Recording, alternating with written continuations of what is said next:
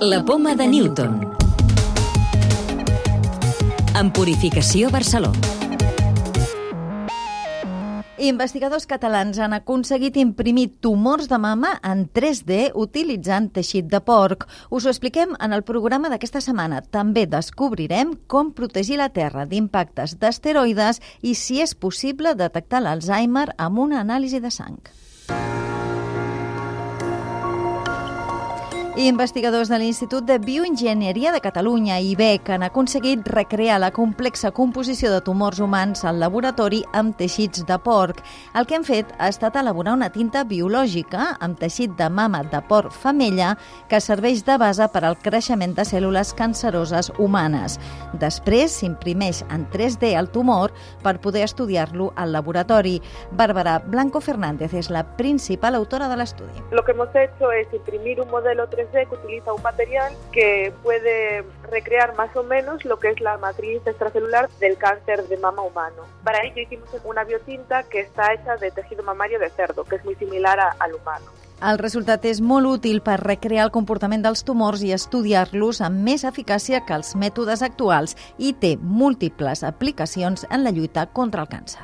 La ventaja de la impresión 3D es que ah, nos permite ser mucho más reproducible, nos permitiría hacer como un proceso de escalado, ¿no? Y luego a mayores nos permite recrear lo que es la organización que hay dentro del tumor, la masa tumoral y luego está todo el tejido que está alrededor y que también está muy implicado en el desarrollo del tumor y cómo va a responder a los fármacos, si va a metastasizar o no.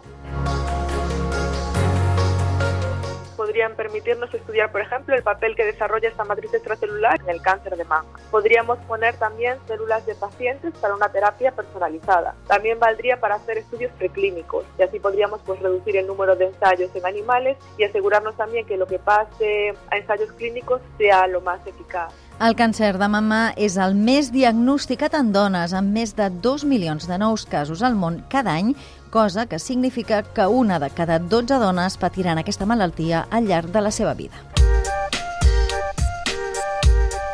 Més coses. Èxit del primer assaig per protegir la Terra de possibles impactes d'objectes espacials. La missió d'art de la NASA ha aconseguit impactar contra l'asteroide Dimorphos de només 160 metres de diàmetre.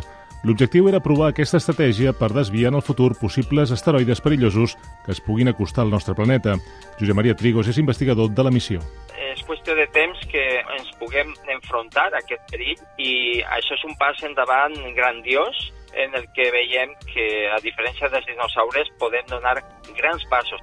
Investigadors catalans descobreixen com detectar en sang la malaltia d'Alzheimer en una fase molt inicial. Han vist que es pot detectar l'Alzheimer en una fase molt primerenca on ja existeix la malaltia, però la persona encara no té cap símptoma. I han trobat un biomarcador que es pot detectar amb l'anàlisi de sang i, per tant, el diagnòstic es fa amb sistemes poc invasius.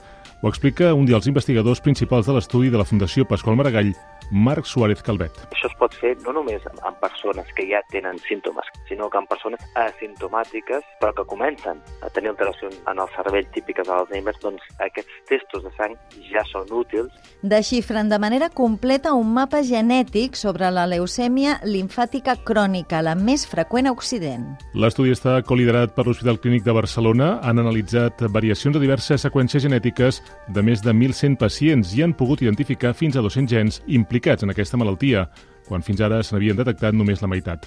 Amb aquests resultats, els investigadors podrien fer pronòstics més específics pels malalts, millorar el diagnòstic i desenvolupar medicaments més específics per combatre la malaltia.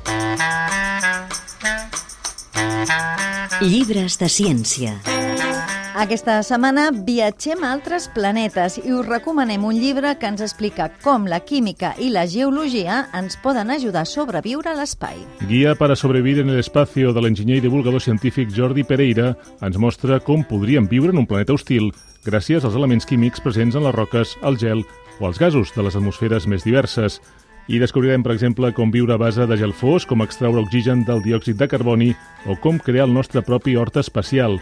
Una obra de butxaca per a futurs astronautes, però també per qualsevol que vulgui descobrir quines són les possibilitats de viure que tindríem en altres planetes. La clau de volta.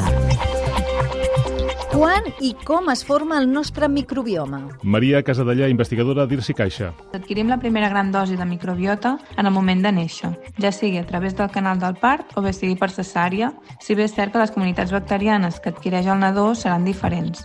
En el cas de cesària, serà molt més semblant a la microbiota de la pell de la mare. Després de néixer, seguim augmentant la microbiota i la seva diversitat amb la lactància.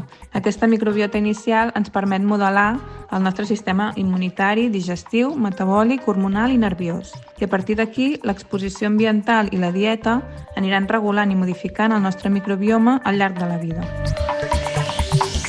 Recordeu que podeu descarregar-vos el podcast de la Poma de Newton o subscriure-us al programa per rebre'l directament als vostres dispositius.